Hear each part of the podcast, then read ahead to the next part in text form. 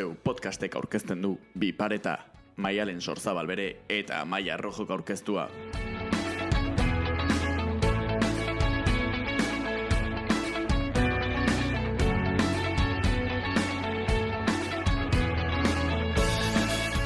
Asko dira egungo gazteek euskara alde batera utzeta dutela uste dutenak. Edo asko dira gaur egun modan dauden TikTok, Twitch eta bestelakoek datozen belaunaldi gazteetan kalte egiten dutela pentsatzen dutenak. Baina aldi berean, asko dira modako formatu desberdinetan euskarazko edukia sortzen dutenak. Eta asko dira, gure hizkuntza plataforma berrietara eramaten dutenak.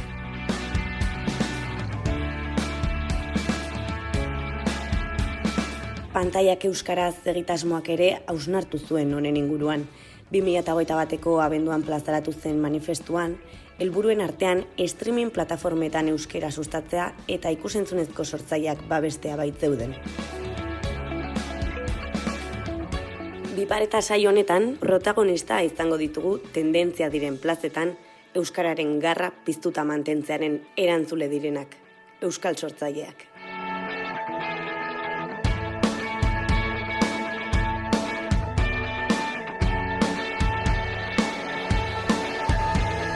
TikTok aplikazioari dagokionez, askok gaztetxonentzat soilik dela ustearren, aipatzekoa da erabiltzaileen adinak gora egin duela azken datuen arabera. Euskarak ere badu tokia sare sozial honetan. Horren erantzuletako bat da Julen Portillo. TikTokera egotzen dituen eduki guztiak euskaraz sortzen ditu 8 mila jarraitzaile inguru dituen zarauztar honek. Baina nola hasi zen dena? E, konfinamenduan hasi nintzen. Egia ni hasi nintzala YouTube noain dela urte batzu, bosei urte, iten ditu regetoi kantak parodia moduan euskeratu eta YouTube egotzen ditun. Eta hori konfinamendua ma esan, no, baitu, TikToka jetxiko eta zer da. Igo nun bideo bat, bi iru, eta azkenian hauetako batean nintzun dara bende, bum, kriston bizita pila bideo bate, da esan, ostra, jende gustatzen zaio, zeba, zeba ez aurrein, ez? Eta pixkanaka, pixkanaka, pixkanaka, azkenian, hola, xe. Izatea TikTok ume kont, umian kontua dela eta hola, baina baina askotan ikustea jende ez heldua, baina bai hogeita bi urtetik gorako jendia, eta nik uste dut gehiago ikusteala, egia da, gehienetan, gehienetan, umiak diala, ze gaina ez da limitia uste adin tarte bat eukitzeko, osea ez da la ber amasei urte TikTok eukitzeko, baizik eta sortzi urte gire bakazu eukitzea. Eta nik esango nuke hori, jende gaztia umia daudela, baina gero eta helduagoak ere badaudela. Nik bideo bat inun kritika bat intzien gaz, e, gazteleraz ite nulako eta horra zitzaiten jarraitzen jende pilua e, euskeraz etzekina. Eta komentaiotan, iruzkinetan jarte ziren, e, no sé euskera, pero bueno, me, me apetece aprender y por eso te voy a seguir. Hor bai jarraitzaile pila lortu ditula. Orduan ez dakit zenbatek jakingo guen euskeraz, baina dana, danak ez. Er, kritikak jasotzen dugun bezala, e, jo, ez da, itzaitez euskeraz, jende asko ere esategu. Ostra, ba, ez dut ulertzen, baina gustatzen zait euskeraz edukia ikustia. Ba, rakastatxuena esango nuke, bueno, egon tren moduko bat, zantza, e, sala gehien bat, ez dakit, Kolombian ditezan edo, ez dakit, o Mexikon, ez dakit, sala, plan, bere txakurre grabatzen daola. Eta hain hori berdina baina euskeraz, eta korrika inguruan, korrikako petua jarri nion txakurrai. Eta ba, berreun da hogei mila reproduzio dukizitun, da hori, hori da nere biralena. Oso adiktibua da, oso herri ikustea bideoa da, denbora asko pasatzea kasu nahi gabe. Eta bai, bai, bai, ni TikTok asko ikusten das, eh, ni jarraitzen jendia, dia ba, inguruko jendia, ezagutitutenak TikTok bidez, Euskal Eduki sortzaileak, eta lagunak. Hola, erreferente, erreferente bat, ez da gat. Eta nik uste falta dela Euskal Herrian gehien bat erreferentia edukitzea. Komunitate bat, bada, e, gure artean ondo eramategea eta hitz egite dugu gauza askotaz, da nik uste harreman polita sortu dela, eta badidez kolaboratzeko garaian ba, ez marka baina talde bat ematekin kolaboratu berdanean, da bati baino gehiago ditzei guenean, ba, bueno, ba, itzeite dugu, ba, betu, hau ondo egon zanitia, edo hau, hau gobeto gatuko zan, ba, gure artean, ba, harreman polita gau da. Ere bai asko da, eh, baina. Hori inorrek ez dizu esango, baina.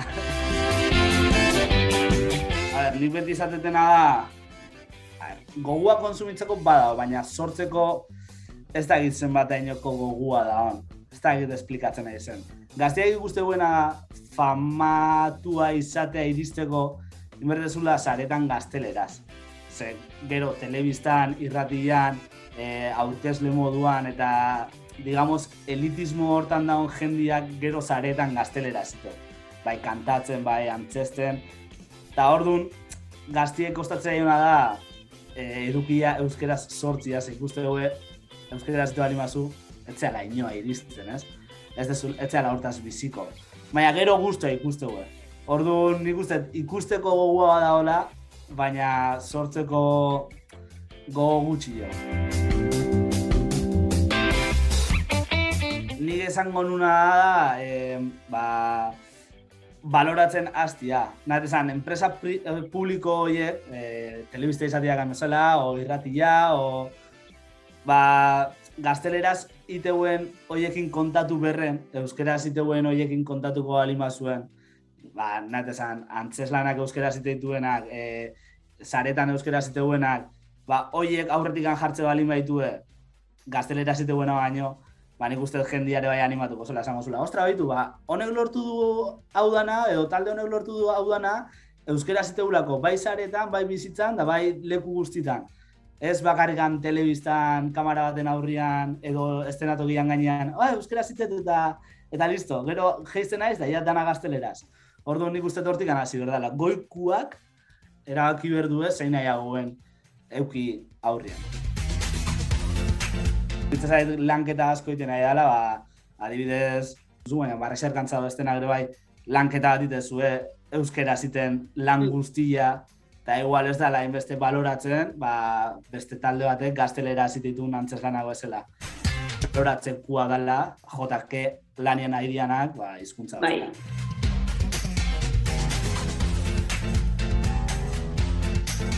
TikToketik YouTubera egingo dugu salto euskal youtuber hitzak esaten baditut, ziur askori izen bera etorriko zaizuela burura. Aiora mugika edo saretan ezagutzen zaion bezala, aiora probatxoa. Bost urte eta eun bideo utzi ditu sarean. Denak euskeraz noski.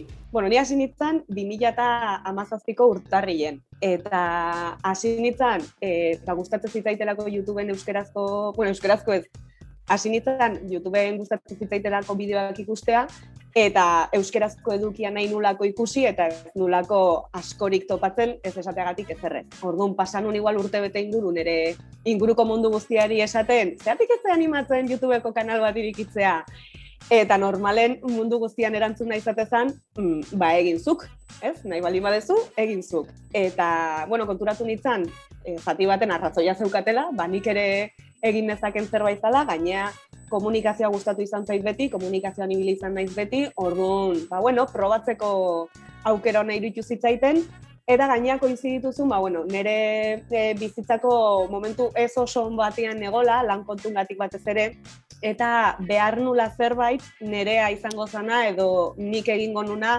nere denbora bat eskaintzeko, ez? Ba, batzuk igual e, kirolean jartzen dira edo beste hobi batzutan, eta nik behar nun zerbait nire buruari denbora tarte bat eskaintzeko eta irutu zitzaiten kombinazio politia izan zitekela, ba, euskera edukia sortzeko saiakera bat egitea eta ba, bitartean nire buruari denbora txe bat eskaintzea. Eta hola, hasi nintzen, horregatik hasi nintzen. Euskerazko YouTube, zoritxarrez, esango nuke ez dala e, nik nahiko nukena bezen beste aldatu. Ba, gustatuko zitzaiten, e, bost urte hauetan zehar, zeia bost urte pasadia, jende gehiago animatu izan balit YouTubeen edukia euskera sortzea. Egon dia esperientzia batzuk, egon da jendea bideok egiten eta ayudana, batzuk agertu bezala undia, beste batzuk mantendu dia, baina ez dia asko izan eta zentzu hortan, ba, nik nahioko, nahi nuke jende gehiago gongo balitze plataforma hortan edukia sortzen. Egia da baita ere, bost urteko etapa hontan agertu dala beste sare sozialen bat ere, eta adibidez hor dago Twitchen kasua, ez? Ba, Twitchen eh, zuzeneko streamingak egiteko aukera badago, ba, dela bost urte igual, egon bat zegoena, baino etzan hain popularra, Eta esango nuke hor beste espazio batzuk sortzen hasi diala eta badaudela euskerarentzako beste espazio batzuk ere. Orduan igual, YouTubeen hain beste ez, baina euskerazko sareko sor, sorkuntzan bai esango nuke pixka bat aldatu dala edo aldatzen nahi dala behintzat. Ba, igual jendia ilotxa ematen dio kamera aurren jartzeak, edo e, iruditzen zaio ez daukala konpartitzeko gauza gehiagirik, edo ez zaio erakargarria egiten, edo ezakit, ezakit izan daiteken jendian arrazoia. E, egia da baita ere, sentsazioa izan nula e, pandemia garaian jendeak lotxa asko galduzula kamararekiko, eta horrek postasun txiki bat ere mantziten, nola mundu guztia etxean zegon eta gauza konpartitu beharra zeuzkan, eta ba, aukera zegon kamaran aurrian jarri eta gauzak egiten hasteko ze kalea ezintan jun, esango nuke jende asko bildurra galdu ziola kameran aurrian hitzeitea edo pantalla batei hitzeitea eta zerbait ona atera behar baldin bada hortatik behintzat, ba, hoi behintzat badaukagula, igual bain lotxa gutxigo daukala jendeak kamarakin aritzeko.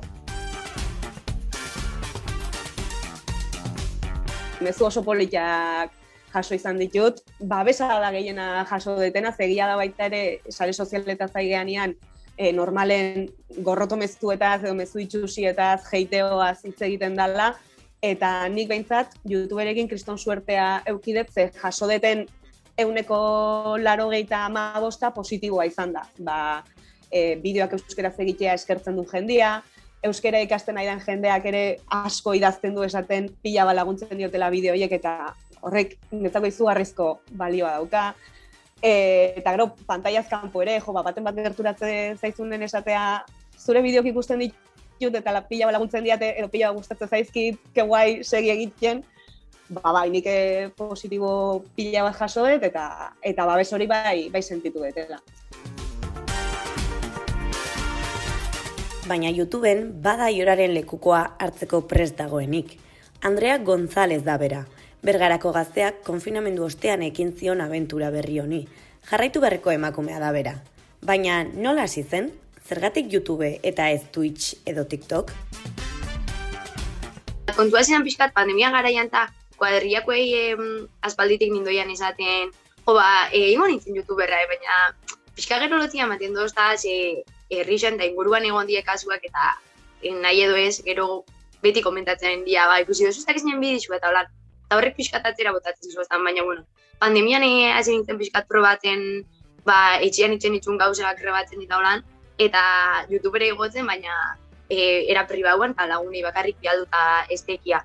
Baina, mm, gero zan eban, a ber, e, ke maz da, ez? E, lagunen dako itxen bozu, bestien dako be inseinke, ez dozu itxen ezer txarra eta zen eban beka ba.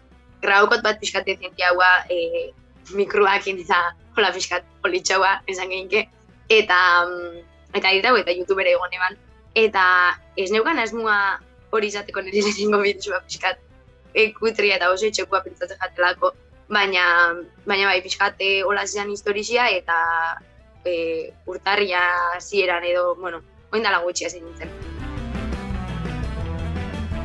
Mm, da gero ikustaldi gehienak eskuaderriakoak iturria ematen zelako, brazuek bidezua egodot ikusi.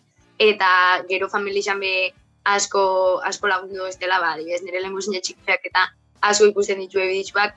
Eta gero, e, onerako harritxu zoztan gauza bat izan zen, ba, errixan, bueno, ni Twitterren behi biltzen ez eta Instagramien, eta e, errixan, e, bueno, ipin eta errixan komenta hau, ba, jendiak aletik eratzen, jo, ikusi dute YouTubeen ez izala, ez dakiz eta, e, esan txarrera izan erantzuna, orduan, ba, bai, ikusi neba jendiak interesa daukala, baina gero, asko ilotia ematen dutzela onartzia lo ikusten itxutxure bidizuak edo em, YouTube, YouTube konsumitzaia naiz. Onartze pausu hori jendiai bildu ematen dutela.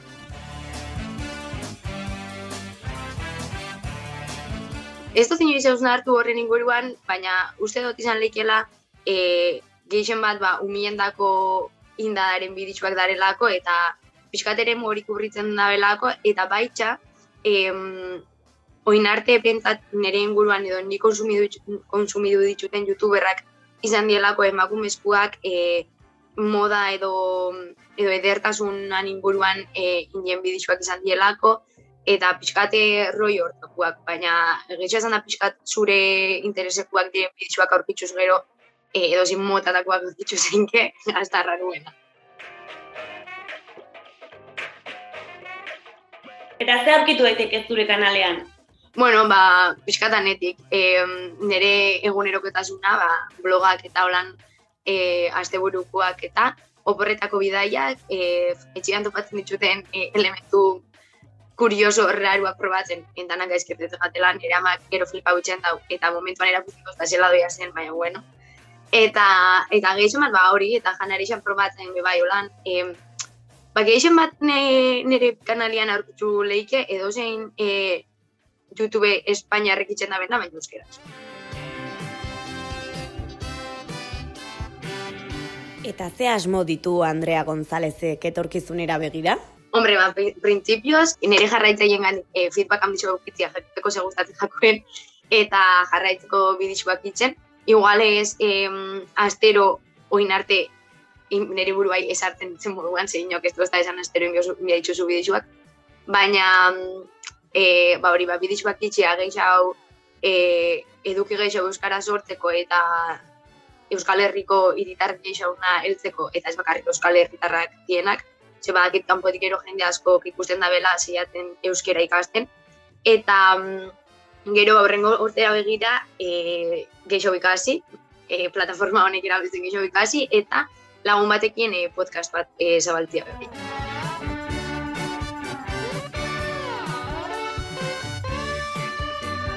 Hitz egin dugu TikToki buruz, hitz egin dugu YouTuberi buruz, eta Twitch. Iruñe Astiz, kazetari Nafarra, da plataforma honetako euskerazko edukin sortzaietako bat.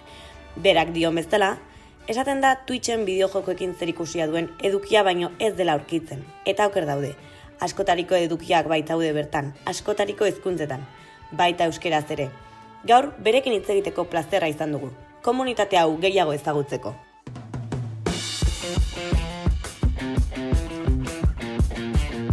Hasi nintzen kontsumitzen, ezakit, nola iritsi nintzen Twitchera, bueno, suposatzen dut beti, betiko moduan, e, sare sozial bat ateratzen denean, edo bapatean irakurtzen dudanean, horren inguruan sartzen naiz ikustera, ikustera ea gustatzen zaidan, ea gustoko dudan edo ez. Eta Twitchen topatu nuen ezakit nola nebukai. Zela, e, gazteleraz egiten bazuen ere, osea, e, ba, zela euskalduna, ez? Azkenan erantzuten zuen e, euskeraz idazten bazenion, eta horrela engantzatu nintzen. Bueno, horren baitan, gero, nik burutik pasata ere ez, eh? Osa, YouTubeen bideoak nituen, baina ze esaten nuen, nola letxe egingo da, ez? Beharko da kriston infrastruktura. Bueno, ba, horrela, e, ekinta ekin ekin hitz egiten, bera ja zela zuzenekoak egiten euskaraz, eta horrela, eta euskaraldia etortzen zenez, ba, pentsatu genuen zerbait egin behar genuela. Ez? Ze azkenean Twitchen ez dago euskara etiketa, euskara kategoria, eta horrek azkenean egiten duena da bai euskaraz dagoen eduki eta baita euskaraz sortzen edo sortu dezaketen e, sortzaileak invisibilizatu, ez? E, jartzen baduzu Twitchen bilatzailean euskara, zorte hon. Horrela, komentatu genien gaimera untxikoei, ba, pixkat deialdia ere zabaltzen laguntzeko eta antolatzen hasteko eta horrela sortu genuen, eta gero batu zen gurekin ere neuka e, irumila Twitch zela euska, e, Twitchen euskara ba, presentzia, euskararen presen, presentzia aldarrikatzeko eta baita ba, ipatutako kategoria horren aldeko ba, sinadura bilketa e, bultzatzeko, ez? Justo irailean nebu, nebukaik berak e, sortu zuena. Eman du emaitza? eduki sortzaile aldetikan. Ze, hasi ginenetik, geroz eta gehiago gara e, Twitchen zuzenekoak egiten dugunak, e, gure denbora librean egiten dugu eta eta oso anitzak gara gure gure artean. Esan bezala, nik ez nuen pentsatzen zuzenekoak egingo nituela, baina azkenean iru mila Twitch ekimenari esker, bai, ber gogorarazi zian zenbat gustoko nuen e, edukia sortzea. Ze hori aipatutakoa, ez? YouTubeen bideoak igotzen dituen, baina azkenean pues, lan asko suposatzen zian bideoa grabatzen jarri, aurretikan pentsatu gidoia egin, gero editatu. Gainera, niri editatzen oso ongi pasatzen dut, baina grabatzen eta grabatzearen jar, grabatzen jartzearen guzti hori, pues, niretzat da pixkat peinazoa. Ordo ze deskurritu nuen? Tekla bati eman, a ber, ez da hain erreza hasiera batean, baina eta kamera aurrean hitz egitea ez duzu ez da moztu behar, ez editatu behar, osea, zuzara kamera aurrean zuzenekoan eta gaztelera zerraten den moduan, tutelo gixas, itzutelo komes. Nik uste dut ekimena baino talde bat baten izaera dugula, badakigu e, Eusko Jaurlaritzako Euskara batzordetik horretan lanean hasi direla, eta, bueno, ba, erronka dugu hor, ba, edukia egiten jarraitza, eta berezikin ikuste dut erronka nagusiena da, e, geroz eta ikusleo kontsumitza, kontsumitzaile kakotxen artean, ez, e, gehiago izatea, baina nik hor e, pentsatzen dudana eta esaten dudana, kontsumitzaile horiek baino nik uste dut egin behar duguna dela gure komunitatea indartu eta gero ja ikusleak edo kontsumitzaile, kakotxen hartan kontsumitzaile horiek etorriko direla, baina hor daukagu erronka ez, gure komunitatea indartzean.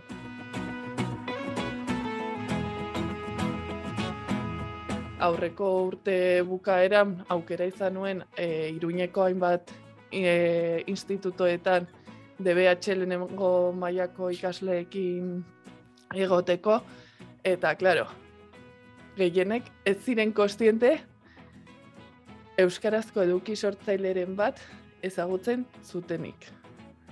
Hau da, ni joaten nintzen, azaltzen nire, pues, pixkat nire ibilbidea, eta nire helburua zen, sare sozial ezberdinetan, eurak erabiltzen zituzten sare sozial ezberdinetan, ba, niretzat euskarazko eduki sortzaile referenteak zirenak erakustea, ez? Ba, eurak kontsumitu nahi ezkero, hori izateko adibideak eta adibidez TikToken nintzen jartzen e, adibidez berdinak, adibidez e, Jokin Kafearen semea, edo Julen Portillo, edo Elene L. Melons, edo Anepe e, dantza egiten, eta klaro, edo Jose Miel, eta, klaro, esaten zuten bapaten, ai, hori niri behin baino gehiagotan atera zait.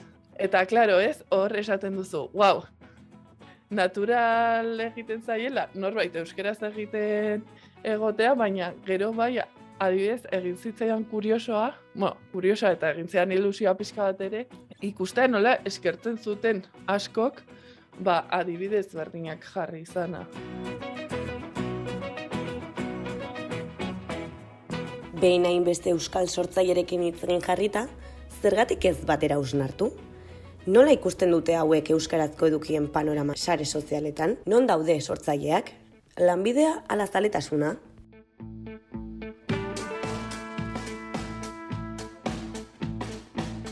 Bai, oso oso porcentaje txikia da sarean edukia sortzetikan bizidan jendea.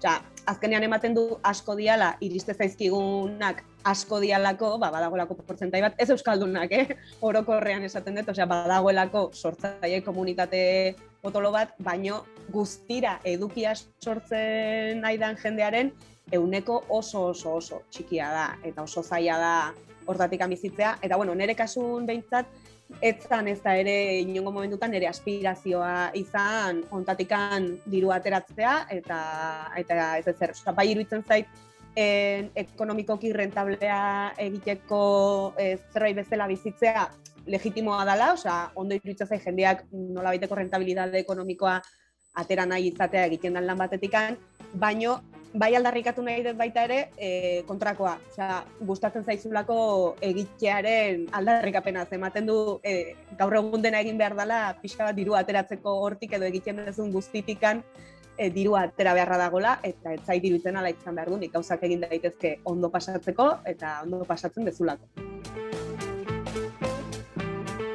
Bai, eta nik uste dut hori izan zela, oinarrian gaur egun e, influencer handiak diren horiek hasi zirena ez, kontua da, ba, e, hitz egiten da edo esaten da, edo aipatzen da badagoela olako boom, e, como el, la, la burbuja inmobiliaria, pues la burbuja de los influencers, ez?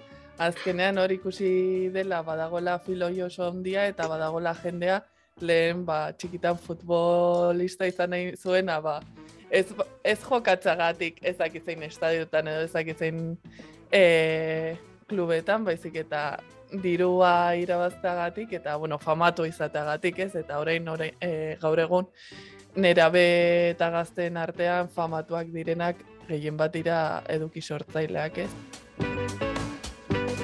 Eta e, iruñek esan da benan arira, egitxa da gaur egun e, aurretan erabe askon e, bueno, elburua bizitzan edo ere nahi izaten dela, ba hori eduki sortzaile izatea eta e, guraso asko edo e, mundu hau ondo ezagutzen dabe ez daben jendiak, ba e, kriston eskia edo bronkia bezala botatzen dutela, plan, hortarik ezin zabizi, e, ez ikasi hori eta nik be uste dut hori ez dala modua, osea, nik uste dut espliko viajatula, e, bueno, oso mundu zaila da, hortik e, bizirautia isa zinezkoa da. Superrondo pentsatzen bat, hortara nahi izatea dedikatzia, baina beste zerbait behi ikasi, osea, ikasketak burutu, eta gero, ja, sostengu bat daukasunean, ikin hori, eta ez daukasuz, eta, osea, alza izan medikua eta youtuberra bai. Osea, kompatibliak dira gauza bitxak, eta jende asko ez da ulertzen hori, eta umiei uste dut gabizela, edo, bai, gizartian gabizela e, hori transmititzen, ez dala youtuber itzatetik bizitzia, bakar youtuberra bainezke gisa. Egia da, e, plataforma batzutan edukia kontsumitzeak e, derrigor orain behintzat batez ere erderara eramaten zaitula, baina precisamente hor dago erronka, baldin badago utxune handi bat, gabezia handi bat, euskera ere hortara emateko, ba, ba noski e, hori kontsumitzen baldin badezu erdera zeingo dezula, ze ez dago eskaintzarik euskeraz, eta hor dagoen e, akatsa, ematen den akatsa nire ustez da e, eldu beharrean erronka horri eta buruz sartu eta dena eman horretan egiten dena da hortik urrundu. Eta existitzen dalako deskonexio moduko bat, ez? Ba, e, ez ulertzea ondo zer dian tresna horiek eta ez ulertzea oso ondo zer dan mundu hori eta esan behar da, e, esan bezala, gerturatu beharrean eta e, erronka handi bat bezala ulertu beharrean, ba igual separazio bat eta retxazo bat sortzen da horretan. Bai, eta nik uste dut horretan, e, separazio eta retxazo horretan ere erroan badagoela beldur handia, ez? Azkenean, nerabeak daude e, bereziki ez, ja, bueno, jaio dira sare sozialekin, eta, eta sarean, eta zer esanik ez, orain e, pandemia jaio diren aurrak, orain dikan ez dituztela pantaiak agian kontrolatzen, baina euren egunerokotasunean ikusten dituzte pantaiak ein handi edo txikiago batean, eta nik uste dut horretan gertatzen dena dela, dagoen gertatzen dena dela babeldurra dagoela, bai e, gurasoen aldetik, bai irakasleen aldetikan, eta jendelduaren aldetik, ez? Azkenean ez dute kontrolatze eta orduan pues ez dut ongi kontrolatzen ba aldentzen dut, ez? Eta azkenean estrategikoki e, gazteen gana heldu nahi duen orok nik uste dut e, sare sozialetan pentsatu behar duela, baina ez heldu baten moduan, baizik eta gazte moduan hori ere oso garrantzitsua da. Tamalez, ba, askotan e, youtubera edo sartzanean, edo twitchera edo, bueno, edo zin zare sozialetan sartzanean, e, zure jarraitzaileek, bueno, momentu batian e, zure jarraitzaile dienen e, gauzak ez jatzu zuri, orduan, zure jarraitzaile eta euskaldunak badia, ba, e, geixemna euskera zenduko jatzu. Baina, gero, ba, lehena e, aipatu dugun bezala, influentzerrak eta e, jende hau dana jarraitzen bozu e, Espainia mailan ba, eren edukitza erderazkoa izango da. Eta hori da, hori zango da aldo kokatzen horregaitzik. Nahi bozu euskarazko edukisa pilau, bakizu zela bilau eta gutxi hau e, ganez edo dianez euskaraz edukisak sortzen dituenak, ba, ezagunagoak edo dia, edo bentsat tezuena entzun da zein dea. eta gogoa sortu egiten da baita, osea zuke e, ohitura bat generatzen baldin badezu, gauza bat beti hizkuntza batean kontsumitzera, naturalen aterako zaizuna da hizkuntza batean, hizkuntza hortan kontsumitzen segitzea. Ez ez igual planteatu ere egingo euskeraz ikusi ezakezunik. Gogoa sortu egiten da eta zuk sortzen baldin badituzu gauzak erakargarriak dianak, euskeraz baldin badia eta erakargarriak baldin badiala, noski jendeak gogoa eukiko dula eduki hori ikusteko, baino ez euskeraz dalako, erakargarria dalako baizik, baina horretarako gauzak sortu beharra daude, egin egin behar da, ze bestela bai ez gogoakin edo gogo gabe alperri da. Nik bai ikusten dut, geroz eta jende gehiago animatzen dela, egitera ba, ja bideo jokotan bereziki hori bai, falta zaizkigu e, nerabe eta gazteak. Eske aurrekoan agertu jaten, em, bueno, e, Inés Hernán bakizu ez da, eh, suposatzen dut baiet. E, bueno, ba, Inzeban, eske TikToken agertu jaten, ez dakitzela egiten zen kontua ez ez. Baina juten zan Madrilen, jendiai galdetzen, aber, em, bueno, geixen agaztia ezien, eh? Edukixak hizkuntza gutxit, bana badibidez euskeraz, katalanez, e, gaizegoz eta holan, sortia ez pentsatu jakoen. Eta, zan pasada bat, zen nik, osea, ez neban espero para nada, baina jende asko kezat, osea, ba, gu bezalako gaztiak, esaten zeben, super zilegi pentsatzen jakuela, ze, em, erendako, e, hori, ba, gaztelera da lehenengo hizkuntzia, baina guretako euskera moduan biharrezkoa daukagula olako edukixak eukitzia, eta eratzen nintzen flipatzen, tipo, Madri baten jendiak olako kontzientzia eukitzia hizkuntza gutxit duen.